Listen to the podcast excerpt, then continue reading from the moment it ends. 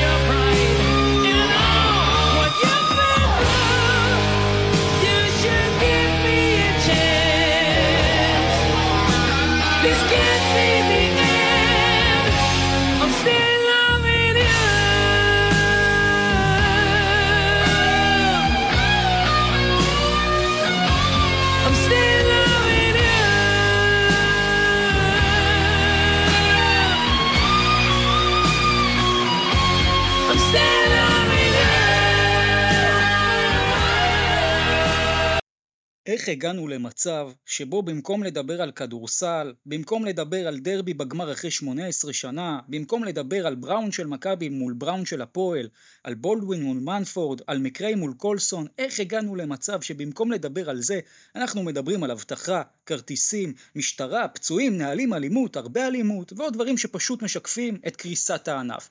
איך הגענו למצב שבו בעונה אדירה של הישראליות באירופה אנחנו מדברים יותר מדי על אירועי אלימות ועל דברים שרחוקים מכדורסל, על הפוגרום שנעשה באוהדי ירושלים באתונה, על אלימות משטרתית כנגד התל אביבים בבדלונה ובמונקו, ומחוץ לבועה שלנו על יבוסלה, מכות, עניינים, כן יש כאן הידרדרות כלל יבשתית, זה לא רק אנחנו. 2023 אולי הייתה העונה הטובה ביותר של הכדורסל בשנים האחרונות, אבל גם הייתה שנה אלימה במיוחד, וחבל שזה אחד הדברים המרכזיים שנזכור ממנה. בנקודה הזאת, אני מציע שכולנו נתאפס. חלאס, מספיק. יש כאן ענף שהעתיד שלו מונח על הכף, אז תפסיקו להרוס אותו. וכשאני אומר תפסיקו, אני מתכוון לכולם, כולל כולם. למכבי תל אביב, להפועל תל אביב, למנהלת הליגה, לאיגוד הכדורסל, למשטרה, לתקשורת, ובעיקר לכל המתריעים בשער. תופעה מעניינת שנתקלנו בה בשבוע האחרון. אנשים שבשביל לקושש עוד קצת צדקנות בדיעבד במקרה של אסון חלילה, פשוט החליטו להשחיר את כלל אוהדי הכדורסל, ומנסים, במכוון או שלא, לנטרל את הענף הזה מקהל. אז בואו אני אגיד לכם משהו. את הציבור הרחב ממש לא מעניין אם אתם מכבי או הפועל או חולון או נס ציונה, אז עם כל כמה שאתם שונאים אחד את השני, קחו בחשבון. הצעדים שהיום אתם בעד לעשות נגד היריבים שלכם, מחר יכולים להיות מופנים נגדכם. מה תגידו אז? שאלה טובה. הדבר הכי חשוב שהיה חסר בימים האחרונים אלו פרופורציות. תפסיקו להשתמש בביטויים בסגנון של מחבלים, טרוריסטים, נאצים ומשרפות כנגד קהל יריב ותתרכזו בכדורסל. בבקשה, יש לנו רק ענף אחד כזה ואין לנו פריבילגיה להרוס אותו. אנחנו במפה פרק 41, אנחנו מתחילים.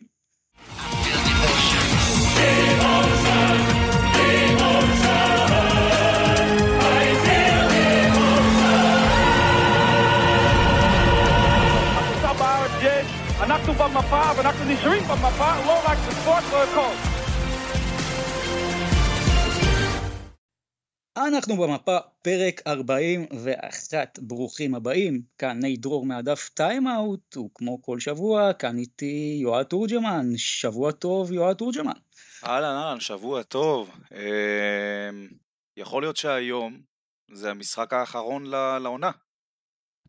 ממש, אולי המשחק האחרון לעונה. ומה אתה אומר על הפתיח דרך אגב, אתה מסכים? אנחנו צריכים קצת פרופורציות, לא? בכל זאת, חד משמעית. כדורסל, זה לא מלחמה. חד משמעי, די.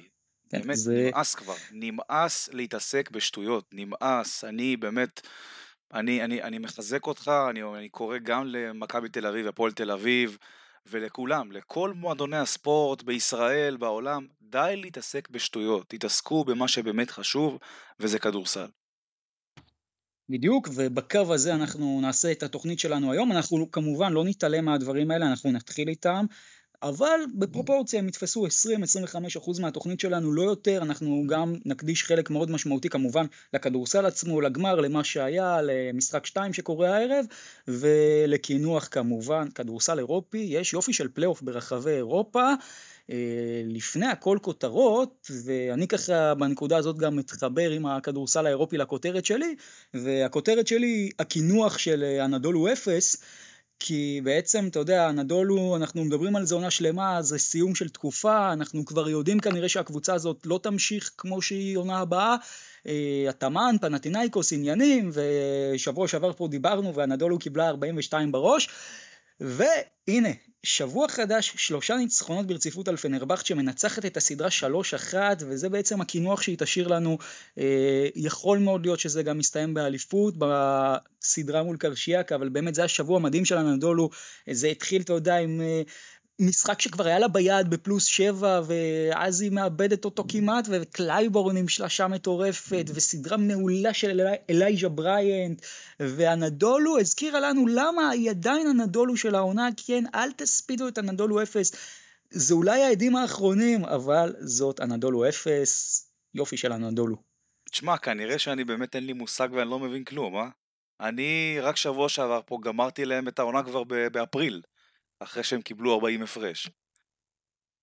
אני, אתה יודע, אני לא חשבתי ככה, אבל אני חושב שהרבה אנשים חשבו כמוך, אז זה לא עניין של מושג או לא, זה פשוט עניין שהקבוצה הזאת, וזה מה שיפה בקבוצה מאוד כישרונית, אתה אף פעם לא יכול להספיד אותה, כי לך תדע מתי היא תתפוס את היום, את השבוע, ואולי את הצלחת שם.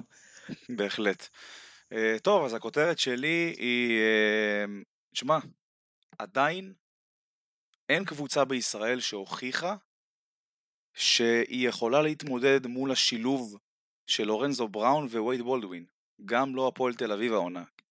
אמנם הפועל תל אביב ניצחה השנה את מכבי בנקודה, אבל זה היה בלי לורנזו בראון, זה היה רק מול וייד בולדווין. עכשיו אתה יודע, אנשים יבואו יגידו, מה עם גמר הגביע, הפועל ירושלים כן עשתה את זה, נכון היא עשתה את זה, אבל א', אני קודם כל מדבר על הליגה, גביע המדינה זה לא הליגה, ודבר שני, הניצחון הזה גם הגיע בתקופה לא כל כך טובה של מכבי.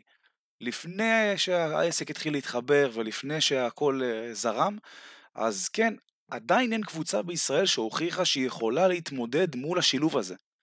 וזה הכוח האימתני שיש העונה למכבי, וגם יהיה לה בשנתיים, שלוש הקרובות. ו... אבל יכול להיות שהיום אף אחד לא יופתע אם הפועל תל אביב תשווה את הסדרה, ואני חושב שזה המפתח. שלורנזו בראון ווייד בולדווין חדים וטובים, אני חושב שאין קבוצה בישראל שיכולה להתמודד מול זה. אני מסכים, אם לורנזו ובולדווין מגיעים ב-100% לכולם שלום. אז בואו באמת נתחיל קצת לדבר על הסדרת דרבי גמר הזאת. אה, כמובן אנחנו לא נתחיל בכדורסל, אין מה לעשות, אנחנו לא נתעלם פה מהמציאות לגמרי, אני רוצה להתחיל איתך דווקא בנושא של מי שחשקה נפשו להגיע למשחק והיה צריך לקנות uh, כרטיס, אתה היית אחד כזה, בוא תספר לי קצת על המחירים הנחמדים שהיית צריך לשלם. כן, אז תשמע, אני, אני uh, קניתי כרטיס ליציע הכי זול, הכי זול, אפשר להגיד, שעלה 100 שקל, וזה באמת הגזמה פראית. אני יכול להגיד שיש כרטיסים לשורות למטה, במרכז המגרש, באזור ה-250 שקל, שזה מחירים באמת לא נורמליים ולא שפויים, אבל אתה יודע, אני כאחד שמכיר את הנפשות הפועלות יודע, אה, מכבי תל אביב תמיד הייתה יודעת להגזים במחירי הכרטיסים, וכך גם היא עשתה במשחק הזה. אה, למרות שאתה יודע מה, בחצי הגמר מול חולון, שילמתי 33 שקלים בלבד על כרטיס. במקום 66, ודרך אגב, זה ה-100 שקל ששילמתי, זה מחיר של, של הנחת, הנחת מחדשי מנויים. זאת אומרת, זה מישהו שהוא לא חידש את המנוי, שילם יותר מ-100 שקל. אתה מבין? אז אה, כן, זה מאוד מאכזב, מאוד מאכזב המחירים הגבוהים האלה, ובאמת, אני חושב שצריכה להיות פה אחידות, אחידות כאילו במחיר הוגן לכל כיס, כי אי אפשר להמשיך ככה. זה מחירים לא נורמליים. כן, והעלית נקודה מאוד חשובה, כי תחשוב, בעצם, כמו גם, שאמרת... גם תראה, תחשוב על אבא שרוצה להביא את, אה, שלושה או ארבעת הילדים שלו, הבן אדם צריך להוציא 400 שקל. כן, זה מוגזר, וכמו שאמרת, זה אנשים שהם uh, היו מנויים והם הולכים לעשות ולהמשיך במנוי, שלכאורה אולי נשאל גם למה כרטיס uh, לא כלול, אתה יודע, הסדרת גמר לא כלולה גם במנוי, אולי נשאל את זה כי רבע גמר נגיד כן היה כלול. גם uh, נקודה למחשבה, כי עם כל הכבוד והרצון של המינהלת והקבוצות אולי לעשות פה רווחים על הקהל, אה, הקהל זה הלב של הענף הזה, בסופו של דבר, כן? אז למה אתם לא כוללים את זה במנוי, ובטח למה אתם נותנים לאנשים לשלם 200 ו-250 שקלים על כרטיס. גם ההעלאות של המחירים מחצי הגמר לגמר, הרבה אנשים הרימו על זה גבה, אבל אה, טוב, אנחנו לא נשנה את העולם בקטע הזה. כן, חשוב לעורר לזה מודעות, כי הענף הזה שייך לקהל בתור התחלה. חד משמעית. טוב, בואו נדבר על הכרטיסים עצמם, כי אתה יודע, זה נחמד מי שרוצה לקנות כרטיס או לא, לא, לא לכולם כל השבוע הזה הייתה את היכולת. מכבי תל אביב, בעצם ברגע שהיא הבינה שהפועל תל אביב תהיה בגמר, החליטה לא לשחרר כרטיסים. בסוף זה נפתר אחרי דיונים ארוכים במינהלת ביום רביעי, אבל רוב השבוע הזה היה באפלה. מה, מה אתה חושב על מה שהלך מה, מהבחינה הזאת? אני חושב שהסוף היה ידוע מראש, וכל הדבר הזה בעיניי היה פשוט מיותר. בשביל מה? אני, אני, אני באמת שואל, בשביל מה להרוס את החוויה והכיף של כל האנשים, של כל חובבי הענף, של אוהדי שתי הקבוצות? אני באמת שואל, בשביל מה? יש, יש אלימות של אוהדים של הפועל תל אביב, זה לא סוד, אנחנו יודעים, זה, זה לא של כולם, אוקיי? זה כמה עשרות, ובשביל כמה עשרות כאלה חוליגנים שמשליכים חפצים למגרש או שמדליקים אבוקות, לא צריך להרוס את החוויה והכיף של עשרות אלפי אוהדים, שכן אה, אה, אכפת להם מכל הדבר הזה. אתה מבין? אז אני באמת לא מבין את ההתעסקות הזאת, יש דרכים אחרות לפתור את זה, אפשר לשים מצלמות במגרש, יותר שיטור, יותר אבטחה, אה, ובאמת כל מי שמתפרע, אשכרה לנקוט נגדו בכל האמצעים הכי קשים, העונשים הכי כבדים, שאנשים ידעו מראש, אתה מתפרע, אתה משלם מחיר כבד על זה. אבל הדרך פה, אה, למנוע מאוהדי הפועל לקנות כרטיסים, ולעשות על זה טררם וסרט אחד גדול, לא מובן לי, באמת שלא לא, לא מובן לי. אז אני אהיה יותר חריף ממך. אה, שוב, אני יודע שלא אהבת את המהלך הזה של מכבי, וגם צייצת על זה בטוויטר. אבל אני אהיה יותר חריף ממך. אני חושב שמכבי קצת התבלבלה. אה, לא יודע, אולי מישהו שם חשב שאנחנו חזרנו אחורה בזמן, לפני 30 שנה, שכביכול זו הייתה הקבוצה של המדינה, או לא יודע מה, אבל מכבי תל אביב ביום בהיר אחד החליטה שהיא הרשות המחוקקת, הרשות המבצעת והרשות השופטת בעת ובעונה אחת, שיכולה לעשות פשוט מה שבא לה, ואני לא מבין את זה. ואז שמעתי את הטיעונים של אנשי מכבי תל אביב וגם של הקהלים ואוהדי מכבי תל אביב, והיו לי גם שיחות מאוד ארוכות בפרטי של אוהדי מכבי שגם תיארו בפניי מקרים מאוד קשים של אלימות, של דברים, שאני חייב גם לציין, לא בהכרח לכולם הייתי מודע, אה, ו- ואני כן השתכנעתי מהטיעונים ואתה יודע מהסכנה הביטחונית והכל. ולי יש איזה מנהג שכשאני רוצה לבדוק אה, אמינות של משהו מסוים או של עמדה מסוימת אני מלביש את המציאות בדיוק לפי האג'נדה של העמדה הזאת. ואני מסתכל רגע על מכבי תל אביב באופן כללי ועל מה שהיא אמרה לי בשבוע האחרון. ומכבי אמרה לי בשבוע האחרון שאת המשחק הזה אי אפשר לעשות עם קהל חוץ של אוהדי הפועל תל אביב, שזה מסוכן, שיש פה מבוא גדול מאוד לפצועים, חלילה הדברים יותר קשים מזה, ושיש פה ממש סכנה לחיי אדם, ולכן היא לא מוכנה שהקהל של הפועל תל אביב אה, יבוא למשחק הזה. ואני השתכנעתי, לא מבחינת uh, המציאות עצמה, אני לא חשבתי שזה המצב, אבל השתכנעתי שמכבי מאמינה בזה. באמת השתכנעתי שמכבי פעלה בתום לב, מה שנקרא. ואז קורה משהו מאוד מעניין, אוקיי? קורה שמנהלת הליגה מתחילה לאיים על מכבי, שתקשיבו, אם אתם תמשיכו עם המשחק הזה, אולי גם יהיה פה הפסד טכני, אולי פה יהיו עוד השלכות קדימה. ואז מכבי מתחיל... אתה מכיר את המושג כלב נובח לא נושך? אה, מכיר, מכיר. אה, זה, אבל... זה, זה בדיוק. הקטע פה. אז זהו, אבל ש... ופה גם אמרתי, אתה יודע, בפתיח של הפרק, וזה מבחינתי היה קו אדום, וזה הקו האדום האמיתי פה שנחצה, שזה ניסיון להשחיר את כלל אוהדי הכדורסל, ויש פה צעדים מאוד מסוכנים, שאתה יודע, גם בגורמים, אתה יודע, כולנו פה במשחק ילדים הזה של מינהלת שמינהלת, בסוף במדינת ישראל יש לך כנסת ויש דברים, ויכולים להיות פה חוקים מאוד מסוכנים, ותקדימים מאוד מסוכנים שיתחילו בעקבות הדברים האלה.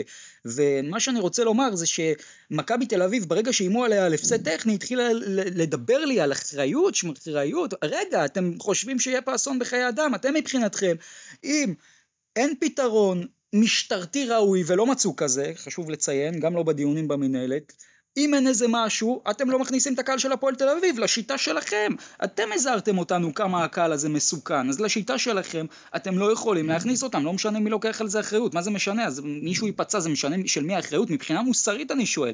אתה, אתה יודע, זה, זה מצחיק, זה כמו משפט שלמה במובן מסוים, כי מכבי תל אביב כדי לשמור על החיים של התינוק הייתה צריכה להקריב משהו, אז במשפט שלמה זה בעצם היה הזכות של האמא לגדל את הילד, ופה מכבי כביכול הייתה צריכה להקריב הפסד טכני כדי באמת להראות. ואם מכבי הייתה עושה את זה, הייתי איתה לגמרי והייתי מאמין לה. אבל ברגע שמכבי לא עשתה את זה, ומכבי התקפלה כביכול, אחרי הטיעונים המזעזעים שהיא השמיעה, ששוב, אני לא מזלזל בהם, אבל מצד שני, אולי הלכנו טיפה רחוק, אולי, אמ, אז אני לא מאמין למכבי, כי זה או שמכבי שיקרה, או שזו האופציה השנייה היותר גרועה, שלמכבי תל אביב לא אכפת מחיי אדם ואכפת לה יותר מהפסד טכני, אני לא קונה את זה, אני חושב שפשוט מכבי ניסתה לעשות פה מהלך, אה, שאתה יודע מה, אולי היא פחדה פשוט, שהקהל של הפועל תל אביב, כמאמר השיר, אה, יריד את כל העיר, מה אתה אומר?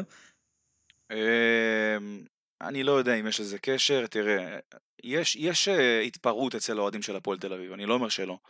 והיו פעמים שכן, למשל בדרבי הקודם, במחזור האחרון של העונה הסדירה, קרו שם דברים מסוכנים, קרו שם דברים מסוכנים, הבד הזה שם שמסתיר את הזה התחיל אה, להידלק, התחילה שם לטפטף אש על אנשים, נזרקו חפצים אה, ל, ל, ל, לאולם 4 ו-3, אה, פגעו גם כמעט באנשים.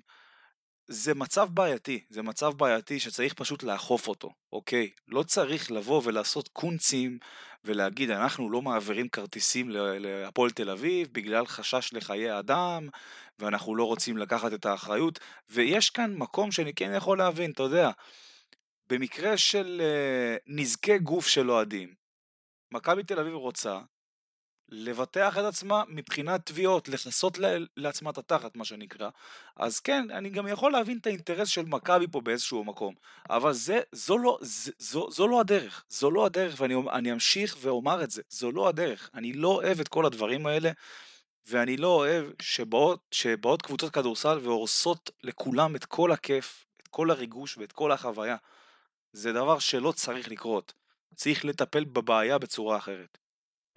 ואני מאוד מסכים עם מה שאתה אומר לגבי העניין של לפתור את הבעיה, כי בסוף, אתה יודע, אה, תביא, לא תביא, אנחנו גם ראינו בארנה קהל ביתי זורק אה, מצית שבטעות פוגעת לשופט בראש. אה, יש פה אלימות בספורט, בואו לא... לרגע נטמון את הראש כן, בחול, יש פה אלימות. זה קורה בכל מקום, זה קורה בכל מקום. אבל צריך להילחם בה, זה שזה קורה זה נחמד, צריך להילחם בה, ואני בעד, אתה יודע, אולי להתחיל גם, אתה יודע, אם חלילה יקרה מקרה יותר חמור, אני בטוח שיתפסו את המעורבים בדבר. צריך לגרום שהאינטרס של המועדונים עצמם יהיה למגר את זה מתוכם. קנסות גבוהים לצורך העניין, אתה יודע, אה, עונשים למועדון עצמו, פגיעות קשות בכיס, ככה בסוף מבינים לדעתי. אה, ופשוט, אתה יודע, אה, הגיע הזמן גם שאלו שעושים את זה יפסיקו. אני יודע שהדברים שלי לא יעזרו להם להפסיק, אבל שיפסיקו פשוט. זה מהבחינה הזאת. בוא נדבר קצת אז על מה שקורה בהמשך, אז אה, בסוף מועברים כרטיסים כמובן וזה, אבל, אבל לא, לא היה שקט יועד, בוא גם נודה בזה, לא, לא היה שקט בדרבי הזה, לא לפני ולא אחרי. ממש לא היה שקט. אני הייתי עד למקרה אה, די קשה אה, של אוהד הפועל תל אביב שמחזיק כוס בירה, בא לאוהד מכבי תל אביב ופשוט שם לו כאפה עם היד ושופך לו פשוט תוך כדי הכאפה את הכוס בירה בפרצוף, העיף לו את כל הראש. אה, ואתה יודע, תוך שנייה קפץ עליו מאבטח, החזיק אותו, ופה הסאגה הזאת נגמרה, פחות או יותר, אבל מקרה למה באמת... למה זו לא תקיפה למשל? כי במדינת ישראל אם אתה תעשה תקיפה. דבר כזה ברחוב זו תקיפה. זו תקיפה לכל דבר, זו תקיפה לכל דבר, ואני באמת לא מבין איך לא קרה שם כלום, איך הוא לא נעצר והיו שוטרים באזור, פשוט הסתכלו ועמדו. מי שעצר אותו וחיבק אותו זה מאבטח בכלל, אחד הסדרנים. זה ככה מקרה אישי שאני ראיתי, אה, זה קרה ממש על שער תשע, על, על רחוב יגאל אלון. אה, אני שמעתי על עוד מקרים שהיו של אלימות. אה, שאני לא יודע לפרט עכשיו באופן ספציפי על כל אחד ואחד מהם, אבל uh, הדרבי הזה ממש לא עבר חלק, יש גם סרטון עכשיו שרץ ברשת ש...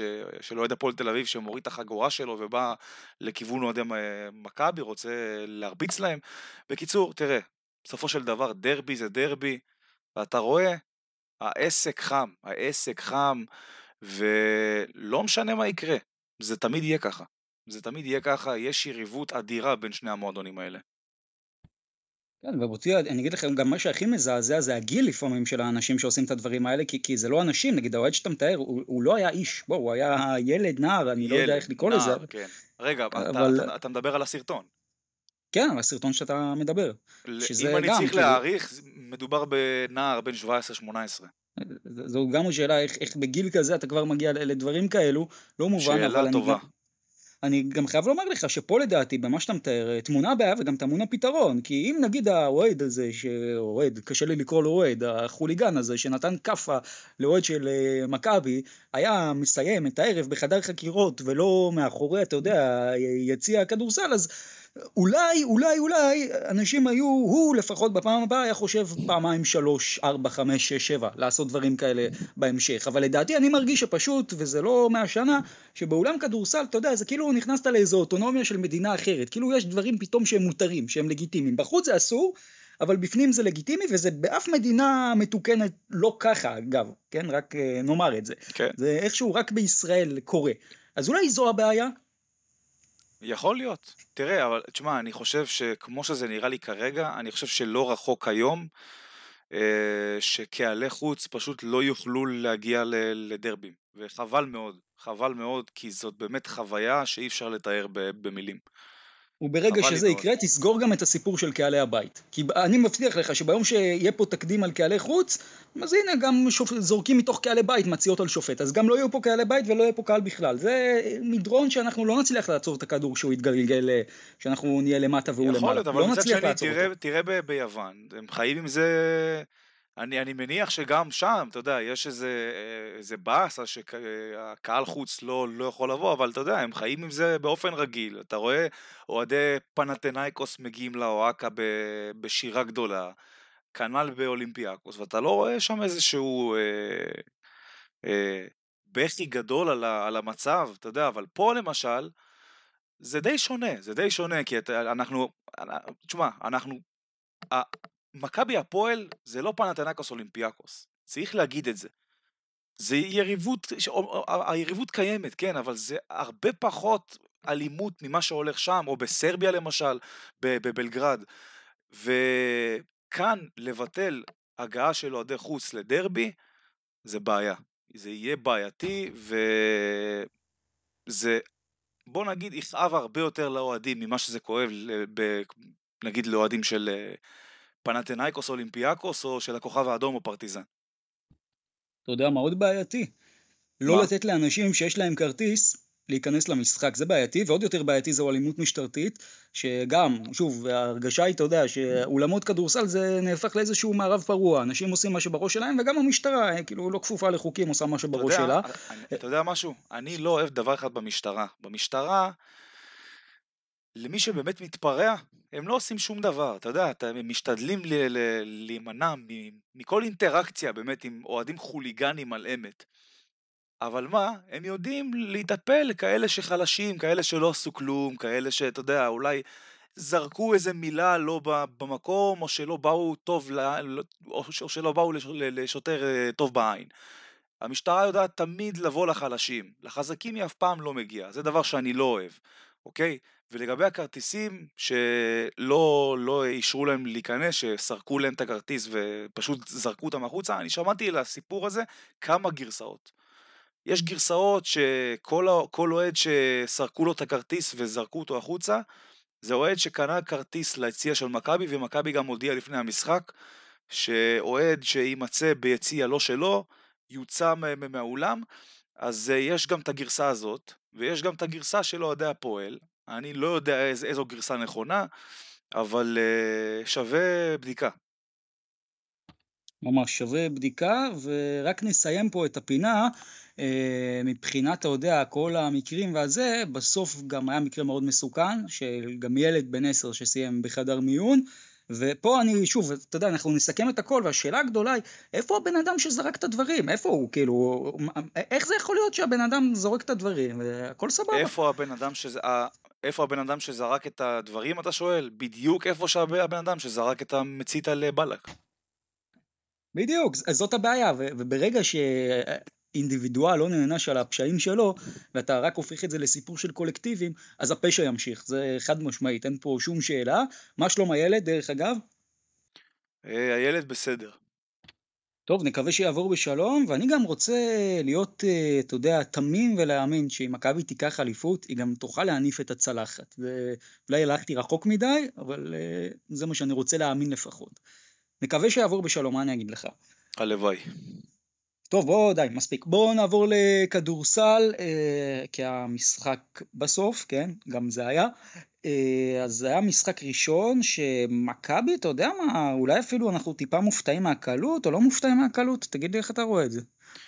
אמ, תשמע, מכבי תל אביב באה ונתנה הצגה הגנתית, אני חושב.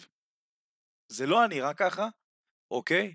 אבל בהגנה אתה ראית שחקנים של הפועל תל אביב שפשוט לא מתפקדים, לא מתפקדים, אם זה ג'קובן בראון, בר תימור, אפילו צ'יננו אונואקו, שמול הפועל ירושלים עשה באמת ככל שעלה על רוחו, לא, לא, לא הופיע, לא הופיע. הוא כן עשה איזה כמה מסירות, עשה איזה כמה דנקים, אבל אתה ראית שזה לא זה. מכבי עשתה עליו עבודה אדירה, אה, וגם בהגנה היא התישה אותו, אני היא שיחקה עליו מלא pick and roll, גרמה לו לחשוב בהגנה, אמ, ומכבי באה ופשוט נתנה נוקאוט להפועל תל אביב בשני צידי המגרש, ומאוד אהבתי לראות את זה. מאוד אהבתי לראות את העליונות הזאת שמכבי הראתה, כי מלא מלא אוהדים, מלא אנשים גם הימרו על הפועל תל אביב שתיקח את המשחק הראשון, אה, ושהיא במומנטום טוב, באה מכבי, מול קבוצה שהיא במומנטום מצוין, והראתה לה מי הבוס פה פחות או יותר, ומאוד אהבתי לראות את זה. תראה, מבחינת מכבי קודם כל, אני לא יודע אם הייתה הגנה מטורפת, אבל כן היו שני דברים מאוד חשובים בהגנה. שזה לעצור אחד את ג'ייקובן ואחד את אונואקו, ואני פה מאוד אהבתי את מה שקטש עשה, כי קטש נגיד הבין בסיפור מול ג'ורדן מקריי, שזה קרב אבוד מראש, הוא הבין שאת מקריי הוא כנראה לא יעצור, אז הוא החליט פחות להתמקד בו, שמקריי ינצח אותי לבד ויקלע 70 נקודות, אבל ג'ייקובן שהוא מנהל המשחק וכשהוא נכנס אז גם הפועל נכנסת, הוא לא ייכנס, כן, בדיוק, ואונואקו... בדיוק כמו שמכבי עשתה מול רגלנד. נכון, נכון, וזה מעולה מבחינת קטש, מאוד אהבתי, כי זה גם מראה על אסטרטגיית משחק מאוד חכמה, על אה, ניהול סיכונים מאוד נכון, חייב לפרגן לקטש, זה היה מאוד יפה, ואתה יודע, בצד ההתקפי, אנחנו, דיברת על זה, אה, לורנזו ובולדווין די עשו מה שהם רוצים, וכשלורנזו ובולדווין עושים מה שהם רוצים, אה, זה גדול על הליגה הזאת, מה, כאילו, מה? כמו שאמרנו, עם כל הכבוד למנפורד, וזה גדול על הליגה. 16 אסיסטים, 16 אסיסטים משותפים ומחברים, עוד הפעם, ותראה, שהם שולטים בקצב, ואתה רואה שהם מנהלים את המשחק ככה ושולטים בו, כולם טובים, וכל העסק זורים, ואתה יודע, פופולרי לדבר על אה, לורנזו ובולדווין, מה שג'ייק כהן עשה במשחק הזה, בעיניי זה מדהים, בריבאונד, הוא היה שם בכל מקום, גם, גם הוא סיים עם, עם ארבעה אסיסטים. אני זוכר גם שדיברנו בפרק הקודם על קבלת החלטות מצוינת שלו אחרי pick and roll, וזה בא לידי ביטוי גם באסיסטים. אה, הוא יודע תמיד למצוא את השחקן. רק נציין, יועד, היה מי שסימנו מראש כ x-factor של מכבי. כן, כן, חד משמעית. הוא תמיד יודע למצוא את השחקן הפנוי, ל- לאן לתת את האקסטרה פס. הבחירת זריקות שלו נהדרת, הוא יודע תמיד לחסום, להתגלגל מתי שצריך, איפה לעמוד. גם הגנתי דרך אגב, שזה, שזה די חדש לי אצלו, די חדש לי אצלו, הוא בהגנה אף פעם לא היה אפקטיבי כמו שהוא אפקטיבי השנה, ושאפו על זה. בשתי מילים אני אומר, הכהן הגדול. זה מה שיש לי לומר לגבי ג'ייק.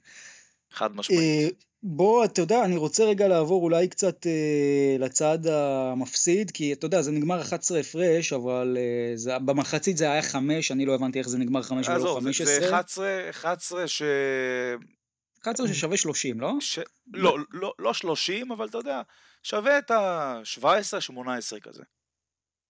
אוקיי, אבל בסוף תראה, זה, זה לא המשחק טוב של הפועל תל אביב.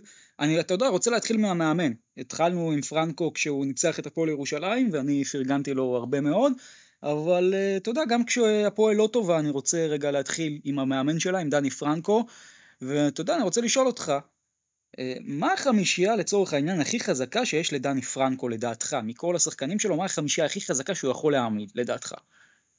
ג'ק אובן, מנפורד, מקריי, ג'יי לנורד ואונואקו.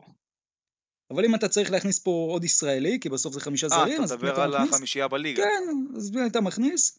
אה, גינת במקום ג'יי לנורד. בדיוק, בדיוק, אנחנו מדברים, ואני חושב שאנחנו תמימי דעים, ורוב אוהדי הכדורסל בנושא הזה, ג'קובן, מנפורד, מקריי, גינת ואונואקו, זו החמישייה החזקה של הפועל תל אביב בליגה. עכשיו, שאלה מעניינת, כמה שניות, דקות, שעות, אתה יכול לענות כי התשובה היא אותה תשובה, אה, שיחקה החמישייה הזאת ביחד, אתה יודע? כמה? אפס, אפס, זה לא משנה אם אני שואל אותך על דקות, שעות, אה, שניות, מאיות, אפס, אפס, איך, עכשיו תסביר לי איך יכול להיות שבמשחק מכריע אתה כמאמן לא עולה עם החמישייה הכי חזקה שלך מול מכבי תל אביב שאתה יודע שאתה צריך לפתוח הכי חזק ועוד להגביר את הקצב, איך יכול להיות שאתה לא עולה עם החמישייה הכי חזקה שלך? לשנייה אחת, מה, מה אתה חושב שיקרה? ו- ופה אני לא הבנתי את פרנקו. עוד דבר שלא הבנתי את פרנקו. יכול להיות שיש כאן שיקולי מצ'אפ, שגם צריך להתייחס לזה. אה, כי אתה יודע, בסוף לשחק עם שלושה גארדים, שיש אה, בונזי קולסון אחד, אה, אתה מזמין פוסט-אפ ומיסמץ', ומכבי כבר הראתה לנו השנה לא מעט פעמים שיש מיסמץ' בצבע, היא משחקת עליו, במיוחד אם זה של בונזי קולסון שיודע לרדת למטה, לשחק את הגב לסל, לזהות מצבים ולהזמין trap אפשר להגיד, להוציא את הכדור החוצה ואז לך, לך תעצור את הטיקי טקה הזה. אז אני חושב שפרנקו ברמה הגנתית רוצה להימנע מזה. למה הפועל הייתה מסתבכת? מה הבעיה לשים את בראון על אה, בונזי ולתת למקריי אה, לעשות כאב ראש לאחד אה, מלורנזו או בולדווין, למשל? בונזי על בראון? זה בראון יודע לעצור בפוסט-אפ שחקנים, ראינו, ראינו את פארה בבדלונה מנסה לקחת אותו כמה פעמים, ראינו את זה כמה פעמים העונה, לא, לא חושב שפארה פחות אה, פיזי מבונזי לצורך העניין, וגם לא חושב שהפועל תל אביב צריכה לשחק בצורה כזאת לוזרית. איך יכול, שוב אני שואל, בסדר, אל תשחק ככה כל המשחק, אבל שנייה אחת תעלה איתם, דקה, שתיים, לדקות של מומנטום, לא מבין. היה, אני חושב שכן, הוא היה צריך לפחות לנסות את זה. אבל כמו שאמרת, הוא לא ניסה, ויכול להיות שבאמת כאן הוא טעה. ועוד שאלה, עידן זלמנסון, שהיה מעולה, הפועל התחילה בפיגור של 23-14, נכון? זוכר? ואז כן. זלמנסון סל, ועוד סל, ועוד אסיסט לג'יילן הורד, והוא אחראי על ריצת 6-0, ובסך הכל זלמנסון משחק במשחק הזה אולי 10 דקות, עם הדקות האלה ברבע הראשון, קצת ברבע השני, פירורים ברבע האחרון, וזה שיטתי אצל פרנקו העונה. לא יודע מה, מה עובר שם בינו לבין עידן, אבל עידן היה יכול להציל לו את המשחק הזה בעיניי, והוא לא הצילו, ואונואקו היה מזעזע במשחק הזה, עם כל הכבוד לסטטיסטיקה. אונואקו לא היה טוב. למה, למה לא זלמנסון? לא ברור לי, לא ברור לי. האמת אה, שגם לי לא, אבל תראה, בסוף זה המצ'אפ, זה המצ'אפ. מול סורקין יכול להיות שעידן יכל להיות יותר אפקטיבי, מול פויטרס זה קצת יותר בעיה. כן, וגם אה, משחק אה, מעולה לפויטרס. דרך אגב, לגבי אונואקו, אני רק אמשיך ואומר, אה, בהמשך למה שדיברנו בהתחלה, שמכבי עשתה עליו עבודה טובה, כי אני רציתי להגיד את זה ושכחתי, כבר בשני פוזיישנים הראשונים אתה ראית שמכבי הגיע בשביל לעצור את אונואקו. הפועל תל אביב הלכה עליו פעמיים, וכבר במהלך הראשון אתה ראית את פויטרס עוצר אותו באחד על אחד, וזה הסתיים בעיבוד כדור, וראית את פויטרס אגרסיבי כמו שלא ראיתי אותו העונה פעם אחת אפילו. אתה ראית בכוח, הוא אמר לעצמו, אונואקו לא עושה עליי סל. possession ראשון הצליח לעצור אותו, ב possession השני עוד פעם הלכו ל post-up של אונואקו על פויטרס, וגם שם הגיע סוג של עזרה, וגם זה נגמר בעיבוד. מכבי תל אביב ברמה ההגנתית יודעת לזהות מצבים, יודעת מתי לשלוח את העזרה, וזה דבר שאני מאוד אוהב לראות.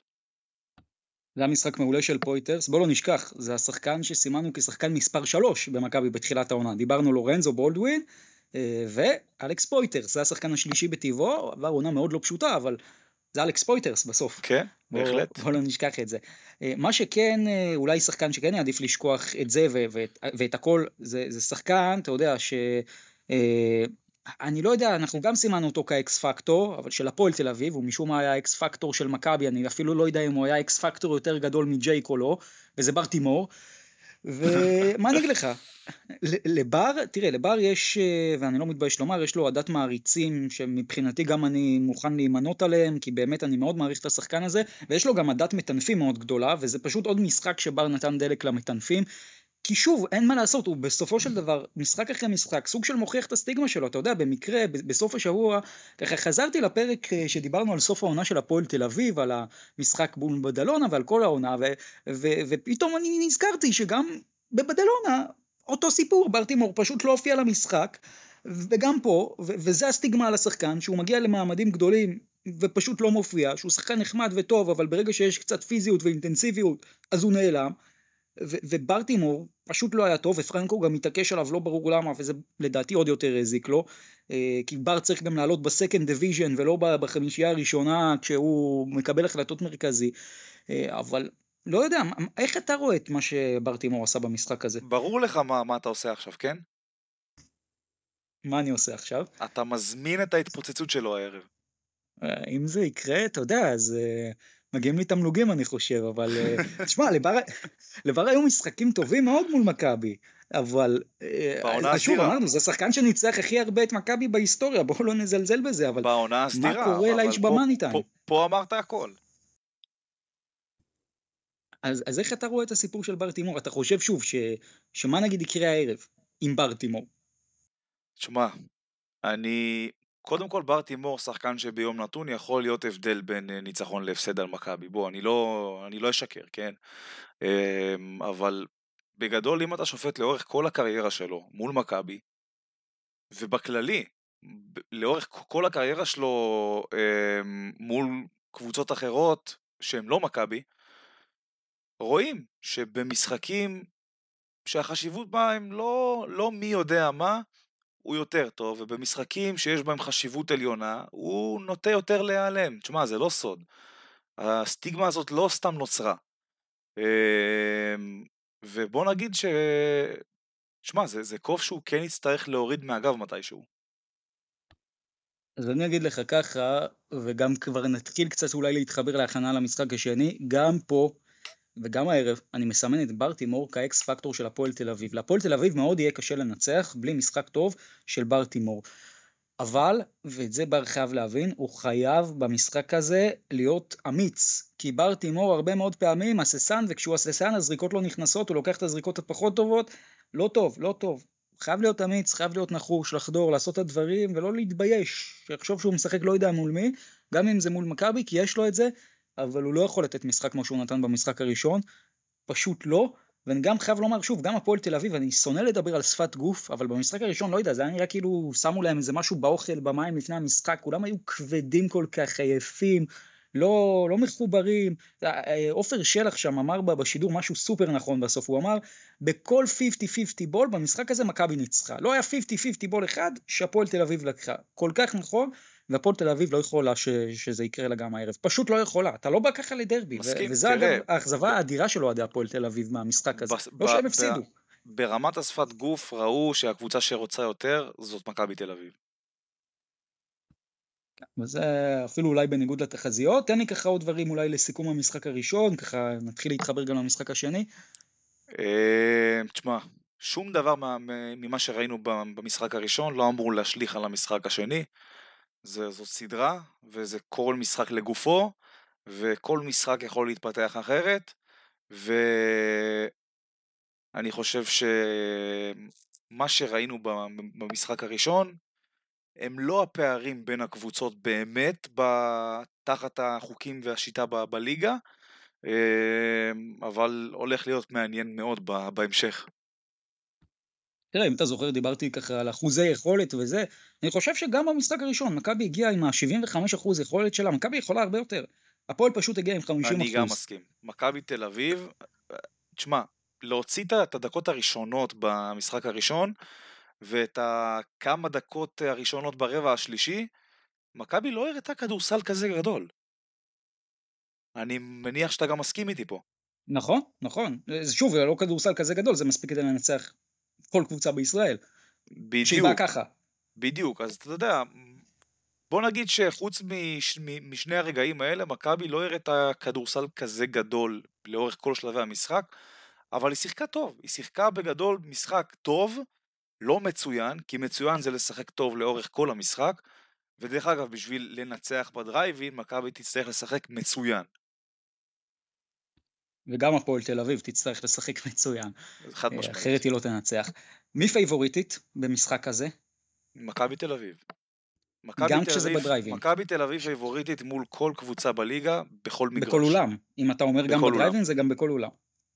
בכל אוקיי, אולם. אז לא יודע אם אני אסמן פה את מכבי כפייבוריטית, למרות ששוב, זה, זה כישרון מול ביתיות פה, אבל נראה. מה, מה כל קבוצה צריכה לעשות? מה מכבי צריכה לעשות ומה הפועל, מהבחינה הטקטית, בואו נראה קצת לפרטים. מכבי צריכה לשחק את המשחק שלה, אוקיי? קודם כל, באופן כללי מכבי צריכה לשחק את המשחק שלה, לא להיגרר לקצב האיטי הזה, אה, ושל החמש על חמש, ולתת לקהל להיות פתאום אקס פקטור ולהידלק יותר מדי.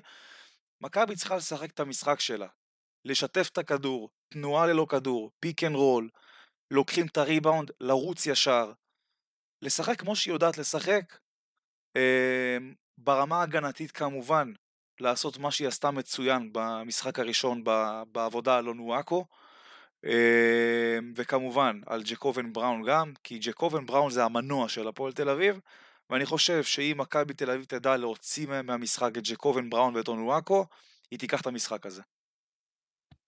אז אני אגיד מה הפועל צריכה לעשות. קודם כל, אתה דיברת על הקצב, אני חושב שהקצב האיטי גם לא טוב להפועל תל אביב. הפועל תל אביב היא קבוצה שחיה עונה על אנרגיות, היא קבוצה שחיה על משחק ריצה, היא קבוצה שחייבת את השלשות, גם אם היא לא קבוצה של שלשות וזה לא הקבוצות של דני פרנקו, אבל יותר זריקות לשלוש, חובה, חובה. אני איתך פה, כי... אבל אני אגיד לך גם מה הקטע. אתה אומר פה שלא טוב להפועל תל אביב הקצב האיטי, זה נכון, אבל מצד שני, בשביל לנצח את מכבי תל אביב צריך להאט את הקצב. אה, קודם כל אני אפתיע אותך, ברמה האסטרטגית זה לא תמיד רעיון רע, אבל מהבחינה של הסגנון משחק אני מסכים שהפועל לא צריכה אה, לתכנן אה, לרוץ כמו משוגעת 40 דקות כי היא תפסיד. מה שכן, אין לי בעיה עם הקצב האיטי, אתה יודע, במיוחד בלנסות לעצור את מכבי כמובן, אבל אין לי בעיה גם עם להאט את הקצב. מה שכן, ראינו את זה, כשהפועל תל אביב יש לה הזדמנויות לרוץ, היא חייבת לרוץ, ויש פעמים שהפועל תל אביב במשחק הראשון למשל, הייתה יכולה לרוץ והעדיפה להרים כדור לקרן, אתה יודע, כמו, כמו בכדורגל, לזרוק פשוט כדורים על מגרש שלם, היא איבדה ככה איזה שלושה, ארבעה, חמישה כדורים. אבל זה משהו לא, ש... אתם לא, צריכים אבל, לדחוף אבל את הכדור ש... קדימה. זה משהו שהפועל תמיד עושה. לא מול מכבי, לא, כי גם ההגנה של מכבי זה לא הגנה של נס ציונה. לא כן, מול מכבי, אבל... אתה לא עושה את זה מול פויטרס וסורקין, מה פתאום? יכול להיות, אבל אתה יודע, בסוף זה השיטה שלהם. אונואקו לוקח את הריבאונד, קודם כל הוא מרים את הראש לראות מי, מי רץ את כל המגרש, ומשחרר לו את הכדור. יכול להיות, בוא, טוב, בוא נראה לגבי זה מה, מה יהיה, מה, מהבחינה אבל אה, של ג'קובן, וזה גם אני רוצה להגיד, ג'קובן חייב להגיע למשחק הזה. אולי הוא שיחק פצוע, אתה יודע, צחקנו קצת פרק קודם, אה, הוא משחק פצוע, הוא משחק טוב, לא יודע, אולי הוא באמת פצוע ויש דברים לא, לא שאנחנו לא, לא, לא יודעים. לא, לא, הוא לא פצוע. אם הוא היה פצוע פצוע, הוא לא משחק, עזוב, זה לא זה, אבל... הוא חייב להגיע למשחק הזה. בוא בוא, תראה. ספידי סמית אה, ודי.ג'יי קופר זה לא וייד בולדווין. שדי.ג'יי קופר וספידי סמית שומרים עליך זה לא ש... כמו שווייד בולדווין שומר עליך. אין מה לעשות, זה לא סוד. נכון, אה, בסופו של דבר בולדווין הוא קילר הגנתי, אבל אני כן חושב שהפועל תל אביב חייבת את המנהיגות של ג'קובן. שוב, ג'קובן וגם אגב בר תימור זה שחקנים שיודעים לנהל את המשחק גם שהכדור לא ביד שלהם. זה שחקנים שיכולים לשנות מבחינה טקטית בעמידה שלהם על הפרקט הרבה מאוד דברים בהגנה של היריבה. וג'קובן חייב להגיע יותר חד וגם לקחת יותר אחריות. שוב, במשחק הראשון ג'קובן במחצית הראשונה כמעט לא זרק לסל. גם אם זה קצת בכוח, הייתי הולך על זה, כי כשג'קובן בעניינים, כולם שם בעניינים, אותו דבר קסבייר מנפורד, שגם הוא בקושי לקח זריקות, הפועל תל אביב, פחות זריקות של בר, בר פחות צריך לסיים, יותר לתת את האסיסטים, מנפורד, בראון, מקריי צריכים לסיים, ואונואקו חייב להיות אה, יותר ערני, מה אני אגיד לך, חייב להיות יותר חד, כי נפלו לו שם כדורים בין הרגליים, שוב, זה, זה מאוד קל כאילו להגיד, אבל זה פשוט, זה פשוט היה הסיפור, אתה יודע. אני מסכים איתך, אני חושב דרך אגב של, של אה, הכלי העיקרי של מכבי על אונואקו, זה שהיא מעייפת אותו ב pick and roll.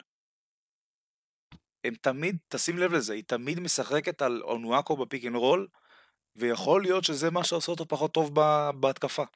זה גם משהו שאני לא פוסל. יכול להיות שזה חלק מהשיטה. אם אתה צריך להמר, מי לוקח את המשחק הזה? אני אמשיך עם מכבי.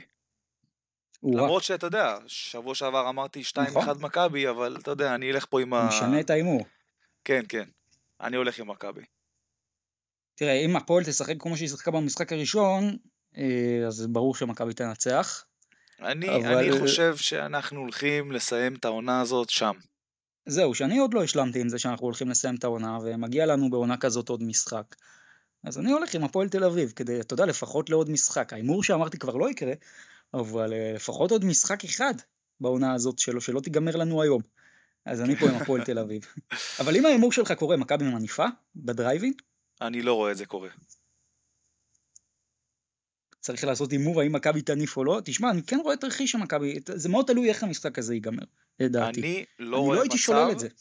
אני לא רואה מצב שמכבי תל אביב תניף את הצלחת בדרייבין ותגזור את הרשתות בדרייבין. זה... קשה לי לראות את זה. מהבחינה גם של האוהדים, האוהדים לא ייתנו לזה לקרות. טוב, אני, אני רק אסיים ואחתום את הפינה פה בזה שאני רוצה לקוות שמכבי כן תניף בדרייב אין אם היא תנצח. אני גם, אני גם. אם היא תנצח. בואו נעבור מפה לאירופה, כי יש פלייאוף מאוד מעניין באירופה, ואני רוצה להתחיל איתך עם ספרד. אז ההימור המחורפן שלי מהפרק הקודם עדיין בחיים, אמרתי 3-2 מדריד ו-3-1 מלאגה. בוא נתחיל עם מלאגה, כי מלאגה באחת-אחת, אבל אם הסתכלת על המשחקים, זה, זה היה יותר קרוב ל-2-0 למלאגה מ-2-0 לברצלונה. במשחק הראשון זה היה, זה היה יותר של ברצלונה, אבל מלאגה בסוף עשתה קאמבק, אה, היה שם משהו מאוד מעניין והזוי כאחד, עשר שניות לסוף מלאגה עם הכדור ביד, אה, מרימה זריקה לשלוש, ויש עבירה לשלוש זריקות, כולים את השתיים, מחטיאים את השלישית, לוקחים את הכדור, כדור אאוט של מלאגה בסוף, עלו לשם לשלושה ולא הכניסו, אבל זה היה יכול להיות uh, חמש נקודות במהלך אחד, אבל מלאגה מפסידה, אבל משחק שני, מלאגה מהפתיחה עושה 14-1, רוקדת מול ברצלונה. שולטת לגמרי.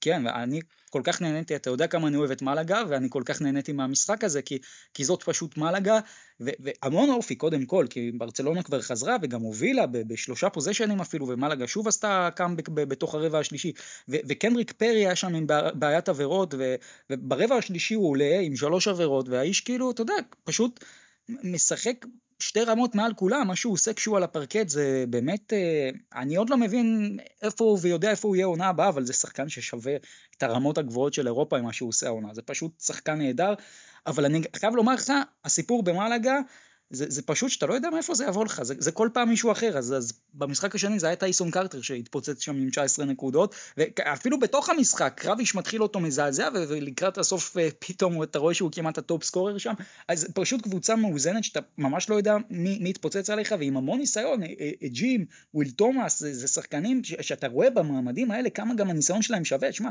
וויל תומאס עשה בית ספר לניקולה מירוטיץ' בהגנה שלו על מירוטיץ' במשחק השני, בית ספר וויל תומאס עשה לו, פשוט מירוטיץ' סיים עם 6 נקודות, לא, לא הצליח יותר מדי, ומלאגה, אם תסתכל על חלוקת הדקות, נבארו לא תכנן את זה, אבל השחקן ששיחק שם הכי הרבה, 22 דקות, אה, תשמע, זו קבוצה מיוחדת מאוד העונה, מיוחדת מאוד. חד משמעית, אני איתך, אה, למרות שאתה יודע, זה נראה שברצלונה עדיין לא התאוששה ב-100% מהפיינל פור של היורוליג, אה, אבל מלאגה עד עכשיו לפחות נותנת באמת סדרה אדירה, וכמו שאמרת, עם האמ... אני, אני די מסכים עם, עם האמירה שלך שזה 1-1 שמרגיש יותר 2-0. בסוף אבל ברצלונה, שוב, זו הקבוצה אולי הכי מוכשרת באירופה, וראינו לא, גם אני, במשחק כן, כן. השני. כן. אני את הכישרון ש... של ברצלונה נותן בראש. כן. אה, בסדר, אני עדיין הולך עם מלאגה, אה, אני אמרתי 3-1, לא אופתע אם זה יקרה, אם מלאגה תיקח פעמיים בבית, אה, אבל אה, נראה, שמע, גם הערב משחק, זו סדרה מעניינת. אה, טוב, ריאל בדלונה זה התחיל מאוד יפה, עם שוב התפוצצות של מי אם לא קאי גיא. שזה כבר, אתה יודע, זה עוד שחקן שאתה, מה שנקרא עכשיו רק אה, סופר את הכסף, אתה, אתה מכיר את המשחקים האלה שכל הזמן המספרים עולים. כן. זה, זה המשכורת של אה, קייל גיא בעונה הבאה. אה, בסוף זה 2-1 לריאל, כי ריאל די שולטת בשני המשחקים הבאים, אבל איך אתה רואה את הסדרה הזאת? אני מאמין שריאל תסיים אותה ב-3-1. אני אשאר פה עם ה-3-2 בדלונה, אה, זה אומר שבדלונה לוקחת משחק הבא למעשה ומפסידה את החמישי. סך הכל עונה מעולה לבדלונה, גם צריך לומר. אה, בוא נעבור אה, לטורקיה, אז הערת את הנדולו אפס מהמתים, ממש, אני בטוח שהתאמן הקליט את הנאום שלך שם לשחקנים. עזוב, כנראה, ש... כנראה שבאמת אין לי מושג. תסביר לי מה זה. זה, בוא נגיד, אם, אם אני צריך אה, להגיד אה, משהו, גאווה של אלופים אפשר לקרוא לזה. ממש ככה. ויש גם סדרה אחרת שקרשיאקה מנצחת, גם אולי לא הדבר האידיאלי והטריוויאלי, את אה, טלקום, והולך להיות אחלה גמר, כי תשמע, קרשיאקה, היה לי על זה המון ויכוחים עם אוהדי הפועל ירושלים העונה, ש... וגם אגב לגבי פריסטרי, ש... שסגרה את המקום השלישי ביוון. אלו היו קבוצות מעולות שפשוט נכשלו ב play-in, אבל ראינו לאורך העונה כמה הן טובות גם ב-BCL, והנה קרשיאקה מרחק סדרה מאליפות. חד משמעית, תראה. יכול להיות שאנחנו פה עושים קאמבק ל-2015, רק שאין פה את uh, בובי דיקסון. כשאין פה את בובי דיקסון, ובכל זאת יש אנדולו ממול, איך אתה חושב שהסדרה הזאת תיגמר? Uh, אני מאמין שאנדולו תיקח את זה, אבל היא תירק דם עד שהיא תראה פה את הצלחת. אני אומר 3-1 אנדולו 0. לא יודע אם יריקה דם, אבל 3-1 אני על 3-2 אנדולו. אוקיי, 3-2. בואו נעבור לעוד אה, קבוצה שככה הערת מהמתים, ליוון. אה, לא, קודם כל, תשמע, זה, זה באמת הזוי, כי אולימפיאקוס, אה, גם פרסמנו את זה, שנה וחצי לא הפסידה. שנה וחצי לא הפסידה ביוון. אין לי מושג, עזוב, אני באמת, עזוב, אין, אין לי מושג. תשמע, מה שאני חושב אבל, שבסוף, ואנחנו דיברנו על זה כל כך הרבה פעמים, בגמר ובפלייאוף, הכל מתחיל מאפס, חוקים אחרים, זה לא משנה כמה אתה טוב, כמה אתה לא.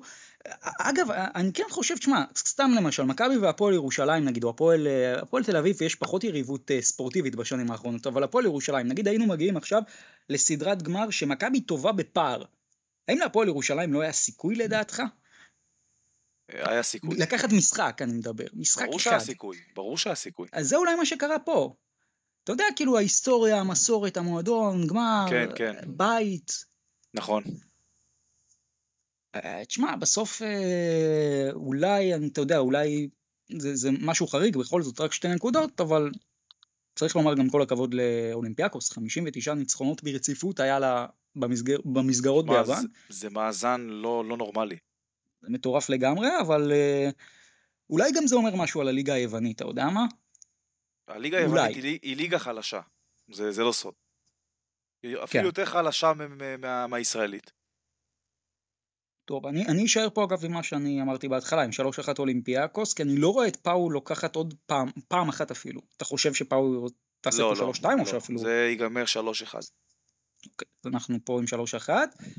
ובואו ככה נסיים עם uh, הליגה הגרמנית, או אפילו לא נסיים, אולי נדבר קצת אחרי זה על איטליה, אבל uh, אתה יודע, טלקום בון, שוב זה קורה לה מה שקרה מול אה, סטרסבורג, משחק ראשון בסדרה, ועל כל החיים כאילו, והיא מפסידה אותו, ועכשיו היא בבור, היא שוב צריכה לעשות קאמבק, הפעם זה הטוב מחמישה, לא הטוב משלושה, אבל uh, מה אתה אומר על מה שהלך בין בולם uh, לאולם?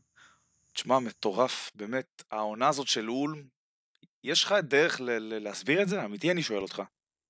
לא, וגם חשוב לציין, ביורו-קאפ הם לא היו כאלה חזקים, אנחנו דיברנו אולי בהתחלה על הצטלבות, האם אתה זוכר, זה היה או ונציה או הם, כן, או, כן, אני זוכר או ברשיה. אה, לא, לא חשבנו שהם האופציה הכי קשה, בואו נאמר את זה בעדינות, לא חשבנו, אבל אה, כנראה קרבוק לא באמת שינה להם את, ה, את העונה, לא? מאז שהם החתימו אותו, כל העונה שלהם אה, פשוט נראתה אחרת. אבל זה לא רק הוא, תראה גם מה דה סנטוס עשה בגמר, זה בכלל... אה, נכון. אבל אני חושב שבאמת, חזק. כאילו, הצלע שהייתה חסרה להם, באמת, זה שחקן מה, בסגנון של קאבוקלו.